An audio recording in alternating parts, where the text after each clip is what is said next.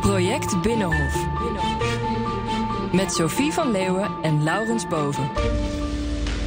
De wandelgangen.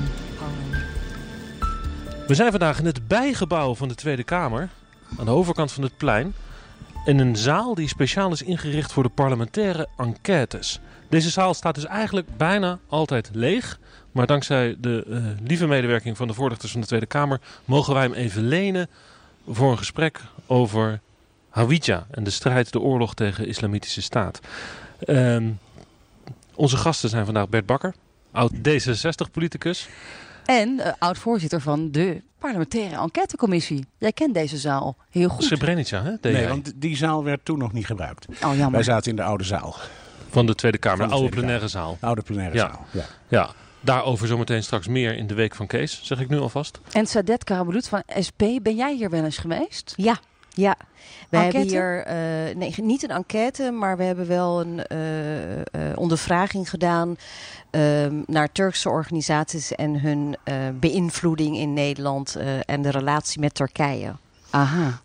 Normaal sta je in deze De zaal arm. onder Ede. De lange arm, een van de lange armen eigenlijk. Ja. Normaal sta je in deze zaal eh, onder Ede. Als je wordt ondervraagd. En ik stel voor dat we dat dan ook maar afspreken voor dit gesprek. Is dat goed? Zullen we Ja, dat, ja. eh, Het wordt Dat uitgezonden. eh, Even met de vingers in de lucht. standaard, standaard. Ja. Eh, deze week vond het debat plaats in de Tweede Kamer over de burgerdoden in Hawija. Heeft Mark Rutte gejokt? Of is er iets helemaal mis met de communicatie tussen de krijgsmacht, defensie en de regering en het parlement natuurlijk? Eh, en hoe, hoe diep is de kloof tussen de politiek en de militaire realiteit? De wensen van de Tweede Kamer en wat er in het veld, op het slagveld, daadwerkelijk gebeurt. Ehm, na een lange, la- ja, lange nacht was het, Sadet? Ja, ja, ja. Ik denk dat ik eh, rond half drie thuis was. Dus eh, het duurde lang. ehm, en eh, een korte nacht wat betreft de nachtrust. Maar eh, we gaan eh, door, want er is nog heel veel werk te Je hebt verzetten. helemaal niet het woord gevoerd. Dus je zit dan de hele avond naast je partijleider Ja. te souffleren? Van nu, nu, in, nu, ja, kijk. nu intraperen? nee, nee, nee. Zo gaat dat niet. Eh, ik weet uit eigen ervaring dat wanneer iemand naast je zit, dat kan heel fijn zijn. Maar het moet niet storend zijn. Hè. Ik moet wel zelf in charge zijn. En als je de hele tijd zegt nu en nu, dat is dus. Zo gaat dat niet. Ehm, maar eh, natuurlijk hebben we het gezamenlijk voorbereid. Eh, en eh, in die zin doe je dat wel een beetje samen. Maar eh, ja, ik, ik eh, loop dan niet aan- naar de interruptiemicrofoon. Ja. Bert, jij bent nog steeds een eh, veelgeziene gast op het Binnenhof. Alhoewel je al best lang uit de Tweede Kamer bent. Zeker. Ja. Je werkt voor eh, het lobbykantoor, hè? Mijnes Holla. Ja. Eh, lobbyt ook voor de wapenindustrie. Oh ja? Nee, nou, op dit moment. eh, Nu even niet. Nee, we- we- we- wat je bedoelt is, we hebben in het verleden gelobbyd voor een concurrent van de JSF. Ja, voor Saab, hè? Voor de Zweden. Voor Saab, Saab. Ah. Eh, dat is uiteindelijk niet geworden. Eh, maar dus in die zin eh, heeft dat toen wel het nieuws gehaald. Maar op zichzelf, ik bedoel, ja, de wapenindustrie is ook een industrie. Eh, je moet natuurlijk altijd kijken of dingen verantwoord zijn. Of dingen bijvoorbeeld in NAVO-verband gebeuren. Of dat het eh, om leveranties aan eh, Pakistan en India gaan die onder een embargo vallen. Hè? Mhm. Bij wijze van spreken. Nou, dat laatste doen we absoluut niet. Ga je dan ook wel eens Maar Maar dat dat, doe je, toch, dat doe je toch niet als lobbyist, dat allemaal controleren? Of wel? Absoluut. Je, je wil als voordat lobbyist we, toch je, Voordat we ja zeggen tegen welke klus dan ook, willen we eerst weten wat voor klus het is. Vanwege de niet, wettelijke verplichtingen. Ja, of het niet het zij legale grenzen, juridische grenzen Mhm. overschrijdt. Of morele grenzen, dat kan Mhm. natuurlijk ook. Mhm.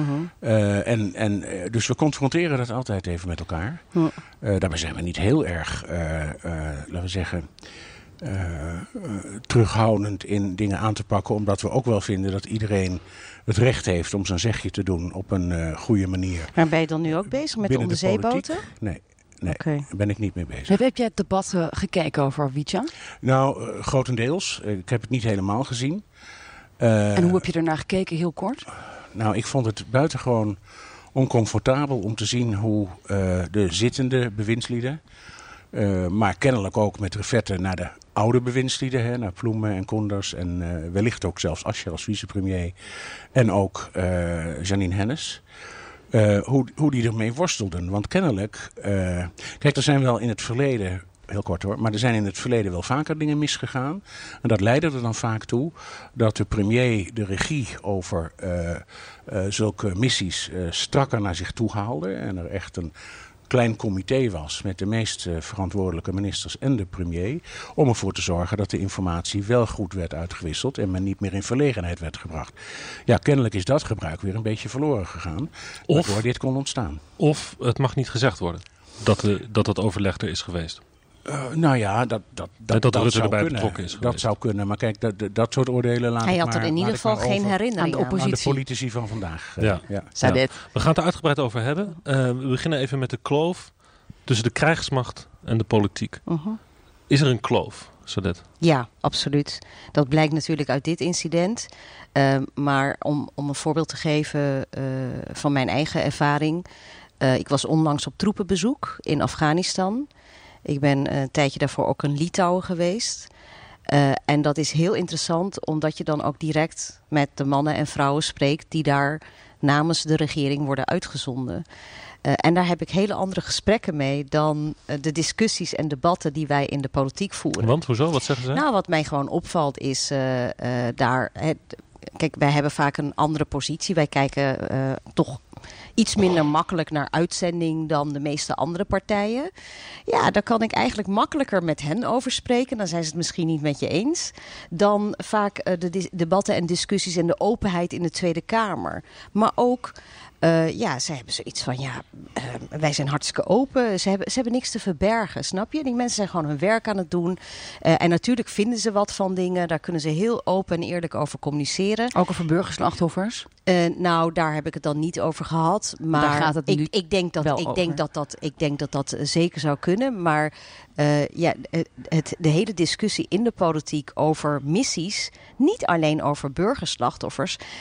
getuigt vaak niet van de grootste transparantie. Ja. Laat staan ja. dat op alle punten de waarheid gesproken wordt. willen zij dat en die ervaring En die ervaring heb ik dus helemaal niet met militairen. En die militairen die praten wel normaal met jou? Want die zien in jou natuurlijk ook die, die uh, activistische pacifist.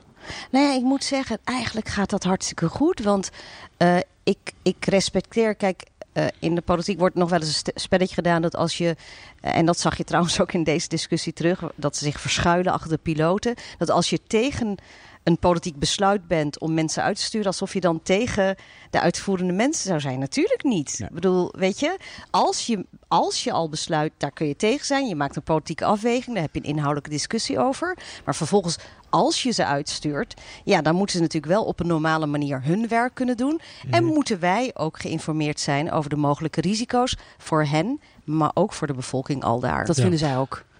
Nou, dat kan ik niet zo voor iedereen zeggen. Maar ik heb daar gewoon wel open discussies over. En um, nou ja, goed, piloten die hebben bijvoorbeeld uh, twee journalisten van de Telegraaf. Ik ben heel even hun naam kwijt. Maar die hebben een heel boek geschreven over F-16 vliegers. En uh, in, een van die hoofdstukken gaat het dus over burgerslachtoffers. En die piloot, uh, die, die is gewoon achteraf ontdekt die... Uh, dat er iemand, uh, een, een, burger, uh, dus niet zozeer de vijand, maar een burger is gestorven. En die wil er eigenlijk heel graag heel open over spreken en zoekt naar contact. Dus dat is een hele andere beleving dan wat wij de afgelopen weken in de media van minister Bijleveld, de premier, de VVD horen, namelijk uh, de vliegers. Daar moet je niet aan komen. Het zou gevaarlijk het ons, zijn voor hen. Ja, en alsof het ons daarom zou gaan. Dus uh, ja, ik merk dat zij zich juist verschuilen achter die vlieger.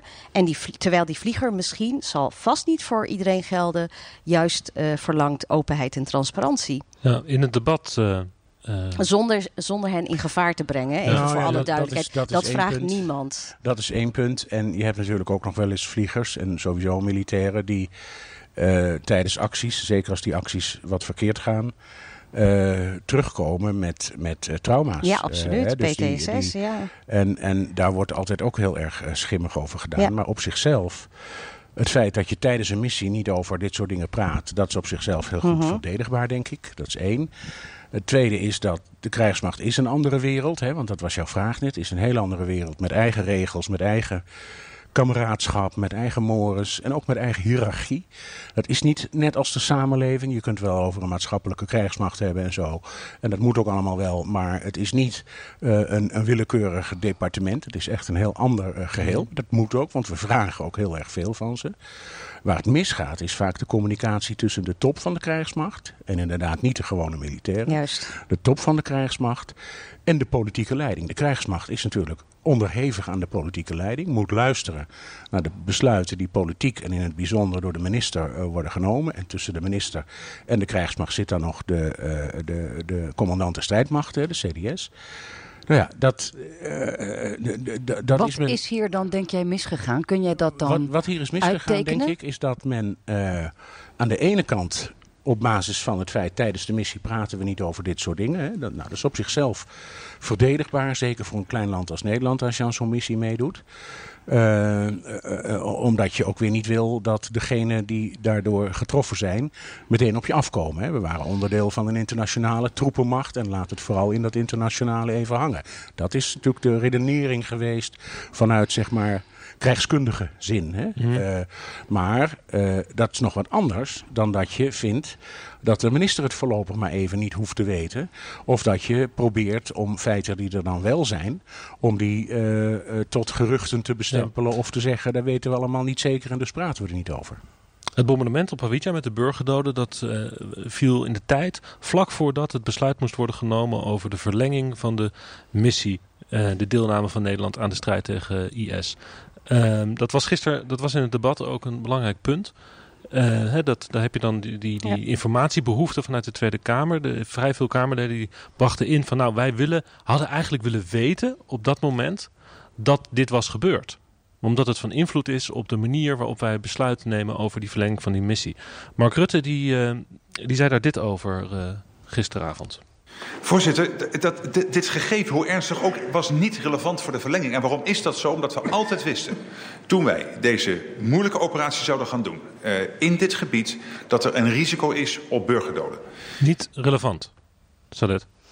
Ja, dat is natuurlijk hartstikke politiek relevant. Uh, want als de Tweede Kamer het belangrijk vindt Kijk, hier, hier ringt zich een beetje uh, tussen uh, de, de militaire realiteit, namelijk als je op missie gaat, dan uh, is het risico dat er burgerslachtoffers vallen. He, daar moet je open over zijn. En aan de andere kant een Kamer die daarover uh, geïnformeerd wil worden. Uh, en natuurlijk, als jij vlak voor een missie te horen zou krijgen dat zo een groot incident heeft plaatsgevonden met 70 burgerdoden of waarschijnlijk burgerdoden en 100 gewonden. Want het is echt een gigantische explosie geweest. Natuurlijk betrek je dat in je politieke besluitvorming. Natuurlijk is dat belangrijk en daar, daar blijft het niet alleen bij. Het ergste is dat daarna uh, er gewoon leugens zijn verteld aan de Tweede Kamer. En ja, dat, dat is verteld dat er geen burgerslachtoffers zijn gevallen? Dat er geen burgerslachtoffers zijn gevallen. En dat eigenlijk pas 4,5 jaar later, na publicatie door de pers, door de NOS en de NRC, is bevestigd met een terugtrekkende premier ja. gisteravond. Maar uh, Bert, is dit uh, uh, angst bij Defensie? Uh, dat is de goeie, wat je, je aanvulling is belangrijk bij Defensie. Bij Defensie denk ik zeker. Uh, je ziet dat, dat de redenen om op missie te willen gaan is om ook je eigen bestaansrecht te bewijzen. Hè, in dit geval van de luchtmacht. Dat, dat motief speelt altijd een belangrijke rol. En ze en, willen ook graag op missie bij Defensie. Ze willen graag op missie, want, want uh, ja, op die manier stellen ze ook, laten we zeggen, hun eigen toekomst veilig. Hè. Uh, en daarom gaat een soldaat bij het leger? Uh, om zeker. Nou, jij jij, jij verwees net naar Srebrenica, maar twee jaar daarvoor hebben we ook uitgebreid onderzoek gedaan naar de besluitvorming überhaupt hè, bij internationale missies. Uh, en dan zie je vaak dat allerlei ook oneigenlijke motieven, hè, hoe voorkomen we bezuinigingen of hoe zorgen we dat we weer een beetje in de picture komen bij de Verenigde Naties. Nou, ja, dat soort motieven die niks te maken hebben met de uitzending op zichzelf, de missie mm-hmm. op zichzelf, dat die een uh, belangrijke rol spelen. Die spelen dus nog steeds bij Defensie, bij de, denk jij nu? Nou, ik denk dat dat nu niet anders is. Kijk, dat Rutte Nou, zegt niet alleen van, defensie. Het speelde, het speelde voor mij geen rol. Dat snap ik nog wel. In die zin dat, dat de regering vaak al maandenlang bezig is met na te denken over eventuele verlenging. En dat dus in die zin die informatie niet. niet eh, alleen, Ja. eh, er hadden natuurlijk wel eh, bellen moeten gaan rinkelen bij. Thierry Baudet die deed er gisteren nog een schepje bovenop. Hè. Die zei niet alleen van het is misschien uit angst dat Defensie onwelgevallige informatie niet naar buiten wil hebben, dat ze dat niet publiceren. Baudet die deed er nog een schepje bovenop. Ik denk dat de twee zaken die hier samenkomen een smoking gun zijn. Eén, het kabinet wilde op 30 juni die missie verlengen. Dus ze moesten doen wat ze konden om uit het nieuws te houden dat er burgerslachtoffers waren gevallen. Dat moest, want anders hadden we het onmogelijk om die missie te verlengen. 70 mensen dood, een heel dorp plat gegooid, totale militaire misser. Dat moesten ze uit het nieuws houden, kost wat kost. Er is dus een motief geweest om te liegen. Bert, is dat, is dat aannemelijk? Nou ja, dat, dat moesten ze uit het nieuws houden. De vraag is dan wel even wie ze is. Hè? Want vaak zie je dat al binnen Defensie dat soort afwegingen worden gemaakt. We hebben dat eerder gezien. Hè? Eh, eh, je herinnert je natuurlijk alle doden van Srebrenica. Nou, er waren op een goed moment onze jongens veilig terug. Die kwamen eh, terug naar Den Haag. Die werden gedebriefd. Er kwamen debriefingsrapporten. In die debriefingsrapporten er stonden alle verschrikkelijkheden in. Terwijl de wereld nog onkundig was van wat er precies gebeurd was. En zeker ook dat het om genocide ging. En die debriefingsrapporten gingen bij de krijgsmacht eh, in een diepe la. Bij de landmacht was dat, in een diepe la. Omdat men vond dat zelfs de minister die niet hoefde te weten. Die kwamen in de jaren daarna natuurlijk allemaal boven. Omdat die gewone militairen zeiden van ja, maar we hebben dit allemaal verteld. Eh, en, en niemand heeft het erover gehad. Nee, sterker, de Tweede Kamer wilde het boek dicht doen. Dus, maar het lag ja, in een la, nu ook weer, denk je, die 70 burgerdoden, was nog vers uiteraard. Nou, Ik kan me niet anders vo- voorstellen, want ik heb ook Kees Verstegen gehoord bij jullie vanochtend op de radio. De NRC-journalist. NRC-man die dit heeft gepubliceerd hè, samen met de NOS. En, en eh, die, die is heel duidelijk over de Amerikaanse bronnen die hij had over deze aantallen. Kijk, als die aantallen nou in de loop van de jaren steeds gewijzigd waren. Of, hè, maar dit is nog steeds eh, het aantal. Dus er is niet zo heel veel reden om daaraan te twijfelen. Maar kennelijk heeft de, de regering op dat moment ook niet of maar zeer eh, verdund eh, bereikt. Sadetje schudde je hoofd. Nou, kijk, ehm, eh, wat daar precies is gebeurd, eh, laten we erop op houden dat de premier niet de moeite heeft gedaan om ons wel de waarheid te vertellen. Want op een gegeven moment was hij het Je zelf. bedoelt gisteren of toen? Gisteren. Gisteren. Over, op, op toen kom ik zo nog. Want als je zoiets mist, dan eh, is er nog iets veel ergers aan de hand. Eh, maar gisteren. Het was de premier zelf die op een gegeven moment de vertrouwensvraag stelde. Dus met andere woorden, het is totaal onduidelijk hoe het heeft kunnen gebeuren dat hij, degene, eh, als eh, baas van dit land over zo'n groot incident het niet is ge- geïnformeerd. En sterker nog, dat ze, hoewel Bijleveld het debat hiervoor erkende er zijn burgerslachtoffers eh, gevallen, dat hij nu als verdedigingslinie gebruikt. We weten het niet, we kunnen het niet- vaststellen. Maar dus dat waarom, sluit, betekent hè, dat sluit als- mooi aan op, eh, op wat Geert Wilders eh, eh, gisteren ook in het debat zei. Het is een heel opvallend moment van Geert Wilders. Toch de populist van de Tweede Kamer. Maar die met een, eh, een vrij eh, duidelijke argumentatie over... Met een vrij heldere bestuurskundige argumentatie komt op een bepaald moment. Hoe kan je trouwens twijfelen of je iemand wat gezegd hebt, maar wel zeker weten dat het niet alarmerend was? Hoe kan dat? Want natuurlijk was het alarmerend. Van Reuters tot Al Jazeera, tot Agence France Presse, van de Britse Telegraph tot het Italiaanse persbureau ANSA. Iedereen berichtte al daags na de aanval over vele burgerdoden. En uit de eigen damage assessment bleek al meteen dat er onbedoelde nevenschade was. Het werd meteen aan het Centcom gemeld. Defensie startte zelf een aanvullend onderzoek. Het Pentagon meldde dat ook de coalitie aanvullend onderzoek was gestart. Het ministerie stond mede, zonder medewerkers speciaal daarvoor naar Qatar. Hoeveel alarmerender wil je het hebben? En wij moeten geloven dat de toon van Hennis, Hennis naar de premier niet alarmerend was. Denkt premier Rutte dat we gek zijn hier in de Tweede Kamer? Natuurlijk moet ook de premier van adviseurs, van inlichtingendiensten informatie hebben gekregen die we gewoon in alle kranten van de westerse wereld hebben gezien. Sadet, is, dit is in feite wat jij ook zegt. Ehm, ja, hij heeft in ieder geval hij, hij heeft niet hard kunnen maken dat hij het niet wist. En hij heeft zelf ook eigenlijk min of meer aangegeven van jongens, jullie moeten me geloven of niet. Ehm, er is een artikel 100 brief uh, geschreven. Hij is uh, uh, onderdeel van het. van, van het er is in een kernkabinet over gesproken. Er zijn zoveel momenten geweest dat hij hierover geïnformeerd had moeten worden. Plus en dat is natuurlijk uh, het ding dat zij heel erg lang hebben nagedacht en contact hebben gehad met uh, de vorige minister van Defensie, van uh, minister van Defensie Hennis.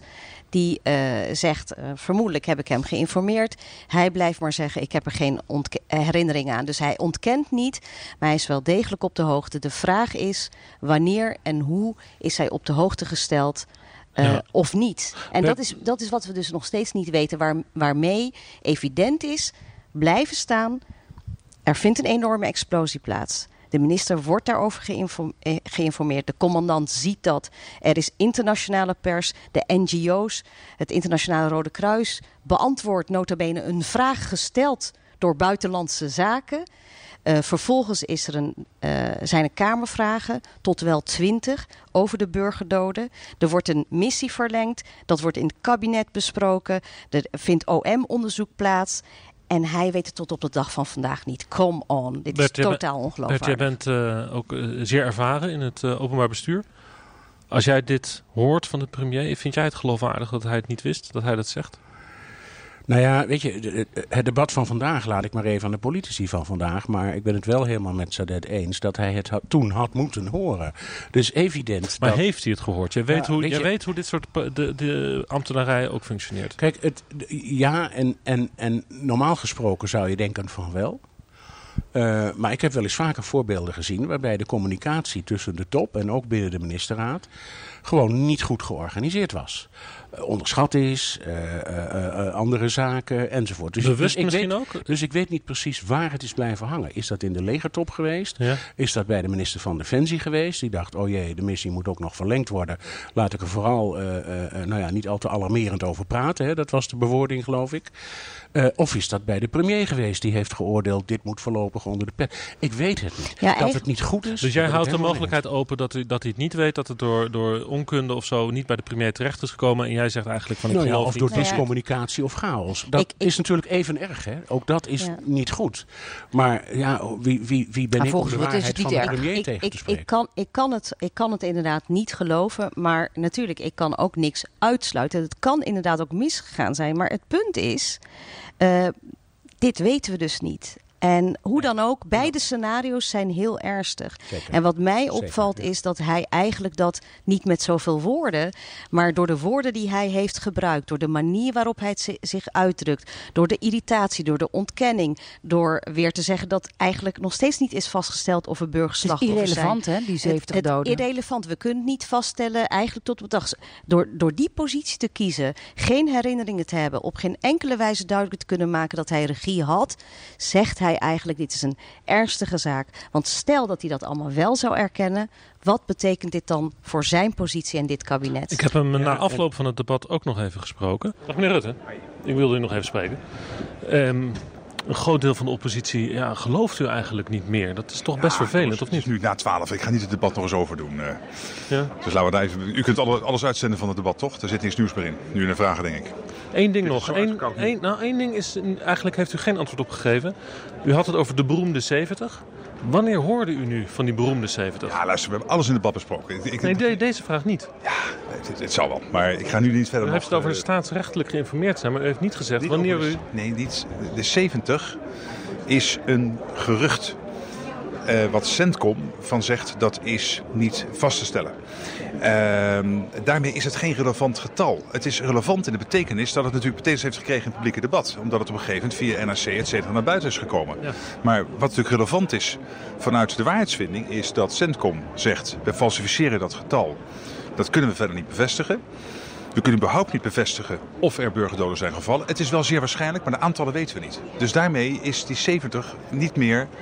Hij was relevant politiek, maar hij is niet meer relevant in de waarheidsvinding. Maar het is toch relevant om te weten of de premier dat in de krant heeft gelezen... of dat hij eerder al wist dat dat getal van 70 tot 170 rondging. Dat vind ik niet relevant, omdat het cijfer en het getal zelf zijn eh, betekenis heeft verloren... als gevolg van het feit dat Centcom al in 2015 of 2016 zegt... we hebben alles bekeken, we kunnen de aantallen niet vaststellen. Las u dat voor het eerst in de krant? Ik ga niks over zeggen, omdat het getal niet relevant is. Bert, neemt de premier hier een uh, risico? Nou, het lijkt me wel. Hij neemt, hij neemt in ieder geval twee risico's. Eén, de journalisten die dit hebben gepubliceerd, die gaan natuurlijk nu nog verder graven. Maar vanochtend. Dat zijn ze ook aan het doen, hebben ze bij BNR al aangekondigd. Zo is het. En ik, en ik heb ze ook al op BNR gehoord. Hè, in de zin van dat die 70 wel degelijk ook vanuit Amerikaanse bronnen uh, bevestigd uh, was. Hè. Dus in die zin is dat helemaal niet. Kijk, ik ben als, ook bezig met Kamervragen. Als, nou, daarom. Hè, dus de Kamer zal zich ook niet onbetuigd laten.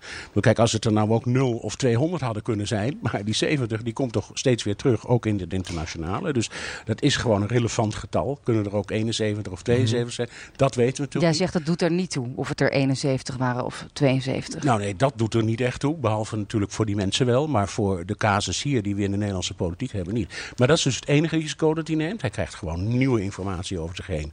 En dan zal er ook wel weer een nieuw debat komen, ongetwijfeld. Hè. Daar kun je, daar kun je uh, vergif op innemen. Een, een, ander risico dat hij loopt is dit. Uh, sinds het begin van de jaren negentig is er een hele precaire, maar ook wel duidelijke relatie opgebouwd tussen het parlement en de regering als het gaat om de communicatie over militaire missies. dat was ook hard nodig, want het ging voor die tijd niet goed. Uh, de Kamer deed het niet goed, maar ook de regering deed het niet goed. Ook niet in de communicatie met de Kamer. Daar zijn allerlei afspraken over gemaakt. En daar is in de loop van de tijd ook natuurlijk ervaring mee opgedaan. Dat komt ook een beetje omdat de Kamer daar eigenlijk helemaal niet over gaat, hè? Nou, nee, de Kamer heeft het recht om geïnformeerd te worden. Maar, maar niet op de praktijk. In de praktijk is dat natuurlijk geworden tot een instemmingsrecht. Precies. De Kamer nee zegt. Maar formeel is dat niet kan zo. je je niet voorstellen dat het krijgsmacht niet. Maar formeel is dat inderdaad niet, niet zo. Maar wat dat betreft zijn er dus allerlei praktijken gegroeid. En dat evenwicht tussen de uitvoerende macht, de regering, en de controlerende macht, het parlement, is van groot belang, juist voor de steun van de bevolking, maar ook van de Tweede Kamer, uh, voor militaire missies in het buitenland. En, en, want Sadet heeft uh, helemaal gelijk, of ze nou voor of tegen een specifieke missie is. De mensen staan daarna allemaal achter onze manschappen als ze gaan. Ja, maar we willen geen geheime oorlogen. Maar geen geheime. En goede afspraken over verantwoording. En die verantwoording die moet plaatsvinden zodra het kan. Soms is dat pas later in de tijd. Maar dan moet die ook wel plaatsvinden. En dan moet hij niet ergens blijven stokken in de legertop of binnen het kabinet of tussen het kabinet maar en de Kamer. Jij zegt en dus, dat vertrouwen, dat raakt hij hier. Rutte ondermijnt de steun voor militaire missies in de toekomst. Nou, hij ondermijnt eigenlijk onze democratie. Want wat hij hier eigenlijk zegt is... Wij willen niet weten wat er is aan uh, kennis, gebruiken we niet. We hebben het zelf niet uh, onderzocht, dat zegt hij daar ook mee. Uh, dus klaar, het is over, uit, zegt hij. Want als hij het wel zou willen weten, dan moet je erkennen dat er dus 70 meer of minder burgerslachtoffers zijn gevallen. Dat daarover is gelogen. En dat de Kamer dus niet goed is geïnformeerd. En dat gaat echt direct om onze informatiepositie. En ik denk dat het om die reden is niet de eerste keer. We hebben natuurlijk ook uh, de steun aan de Syrische rebellen gehad. We hebben de Irak-oorlog gehad. We hebben in Afghanistan allerlei geheime missies gehad. Uh, en ik denk dat het om die reden ook ontzettend belangrijk is dat de Kamer zelf onderzoek doet naar wat hier is gebeurd. Maar ook kijkt naar onze informatiepositie. Want mij valt het op, ik ben nu sinds 2017 woordvoerder Defensie en Buitenlandse Zaken. Dat ik bijna alles, zeker over dit soort gevallen, maar ook bijvoorbeeld als zich incidenten hebben voorgedaan met militairen in geheime operaties. Ik moet het via de krant lezen. En dan moet ik bedelen om informatie en ik krijg niks. En ieder voorstel wat ik in de Kamer vaak met uh, Salima Belhai van D66 doe, nou, de laatste tijd wat minder, ze is de regeringspartij, maar toch. We trekken samen op voor, rondom die transparantie en informatievoorzien. Wordt gewoon direct uh, weggewuifd door Defensie, door de minister. En dat is gewoon niet goed. Jij zegt nu, we gaan een onderzoek doen. Er komt een onderzoek door de Tweede Kamer. Nou, dat zou ik willen. Daarover gaat gestemd worden. Dat is wat wij hebben voorgesteld. Um, die stemming vindt dinsdag plaats. Nou ja, gezien de, de opstelling van de coalitie, het enorme politieke probleem dat Rutte ook heeft. En dat dit echt gaat om het voortbestaan van het kabinet, zal dat op dit moment niet gesteund worden. Maar ik zei het net al, ik heb alweer nieuwe Kamervragen klaarstaan. Ik ga specialisten overhalen. Ik heb contacten in Irak. Er zijn journalisten mee bezig. Dus dit hoofdstuk is nog lang niet afgesloten. We komen tot een afronding van deze podcast. We zitten hier in de enquêtezaal van de Tweede Kamer. Dus als ik jou zo hoor, zou jij hier graag uh, een enquête IS-oorlog willen nou, voeren? eh, geheime oorlogsvoering. Eh, maar in ieder geval, we zouden eh, kunnen beginnen met eh, de anti-IS-coalitie inderdaad. Bert, wat eh, vind jij daarvan? Oh, ik ben altijd voor serieus kameronderzoek, eh, ook als dat op enquêtes uitdraait. Overigens vind ik dat het nieuwe instrument, dat een paar jaar geleden is geïntroduceerd, dat is de parlementaire ondervraging. Dan Ja, een soort enquête uitgebreid light is dat, Ja. maar verhoor je wel onder ede. Doen ze ook hier, dacht ik. Doen ze ook hier, Dat zeker. is wat we hebben voorgesteld over Hawija. Maar dat is dus inderdaad wat je ook kunt doen en dat kan veel sneller. Ja, dat ligt in de motie voor waarover dinsdag eh, gestemd gaat worden. Dus misschien kun je invloed aanwenden die je ongetwijfeld nog hebt bij, eh, bij je eigen partij. Ik, ik heb geen enkele invloed hè, op, op dit soort, eh, op dit soort zaken. En daarom kan ik er ook zo vrijheid over Ja, spreken. nee, dat is heel fijn dat je die kennis met ons deelt. Sadet, bedankt. Bert, bedankt. en eh, wij gaan nog even naar de, de week van Kees. Die, eh, Kees, onze stagiair, die is in die andere zaal geweest. De oude zaal van de Tweede Kamer. Want terwijl iedereen bezig was over Hawitja... heeft de Tweede Kamer ook besloten om de oude plenaire zaal te herbouwen. Tot volgende week. De week van Kees. Ik sta met Jaap Jansen, columnist en maker van de podcast Betrouwbare Bronnen. In de oude zaal van de Tweede Kamer. Ja, het is, een, het is sowieso een mooie zaal. Eh, zelfs nu vind ik het een mooie zaal. Je moet niet te dicht bij de muren kijken, want dan zie je dat het allemaal eh, geschilderd marmer is en geen echt marmer. Want ik heb foto's gezien hoe het er vroeger uitzag. En nu ligt hier een, een lelijk tapijt met allemaal kleuren. Ja, Eh, dat zijn de, zeg maar, de kleuren van Nederland. Zowel de bollevelden, maar ook de diversiteit van Nederland symboliseert dat. Ja, want de- deze week heeft Roelof Bisschop, SGP-Kamerlid, een motie ingediend. En die is aangenomen om de oude zaal weer terug te brengen in zijn oude staat. Ja, komen ze wel een beetje laat mee. Want eh, destijds toen de Tweede Kamer grootschips gerenoveerd werd... en de nieuwbouw eh, werd neergezet... toen werd deze zaal natuurlijk ontruimd. En toen kwam er een nieuwe plenaire zaal... dat parlementair halfrond, zoals we dat nu kennen. Heel andere vorm dan het was. Want vroeger was het echt links tegenover rechts. De voorzitter hoger dan de regering. Eigenlijk de verhouding zoals het, eh, zoals het in Nederland altijd hoorde. Eh, ook een beetje lijkend op zoals het in, eh, aan de overkant in Londen is. Dus ik neem het de Kamerleden van nu eigenlijk wel kwalijk. als je ze verantwoordelijk zou kunnen houden voor hun voorgangers, wat natuurlijk staatsrechtelijk niet kan. Dat ze er nu pas meekomen, want dat had natuurlijk meteen al besloten moeten worden bij de nieuwbouw. Laat die oude zaal intact. Hans van Mierlo eh, die zei over deze oude zaal dat je hier de geur van wilde beesten kon ruiken. En waar we nu staan, daar hingen voorheen gordijnen. En daarachter werd gerookt. De, de fameuze groene gordijnen. Daar stond altijd aan beide kanten een televisiecamera. Ze hadden maar twee tv-camera's nodig om toch een heel debat te verslaan. Eh, daar zaten ook assistenten en Kamerleden en ook journalisten met elkaar te praten. Er werd zelfs gerookt. Je ziet wel eens van die plaatjes dat je net opzij nog een minister of een fractievoorzitter eh, aan de sigaar ziet. Joop den Uyl en Hans Wiegel, allebei aan de sigaar. Zeker, en die, waren ook, eh, die konden het zeer goed met elkaar, elkaar vinden. Dat was, mocht natuurlijk niet al te zeer blijken. Maar vandaar ook die groene gordijnen waar ze zich achter konden verschuilen.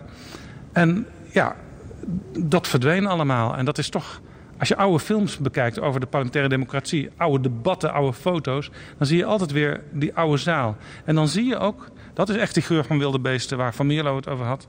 Ze stonden ook maar een paar meter van elkaar vandaan en ze konden elkaar letterlijk aan het jasje trekken. En ja, die nieuwe zaal. Ik ben ooit eens op reis geweest met Josias van Aartsen. Die was toen minister. Maar die had het op een gegeven moment in, in dat gesprek over. Ja, dan moet ik eh, morgen weer naar die parlementaire steengroeven. En daar bedoelde die, die nieuwe plenaire zaal mee.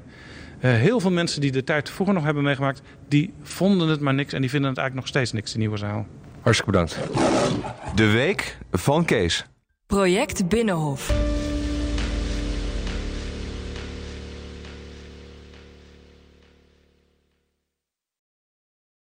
Ook Bas van Werven vind je in de BNR-app. Ja, je kunt live naar mij en Iwan luisteren tijdens de ochtendspits. Je krijgt een melding van Breaking News. En niet alleen onze podcast Ochtendnieuws, maar alle BNR-podcasts vind je in de app. Download nu de gratis BNR-app en blijf scherp.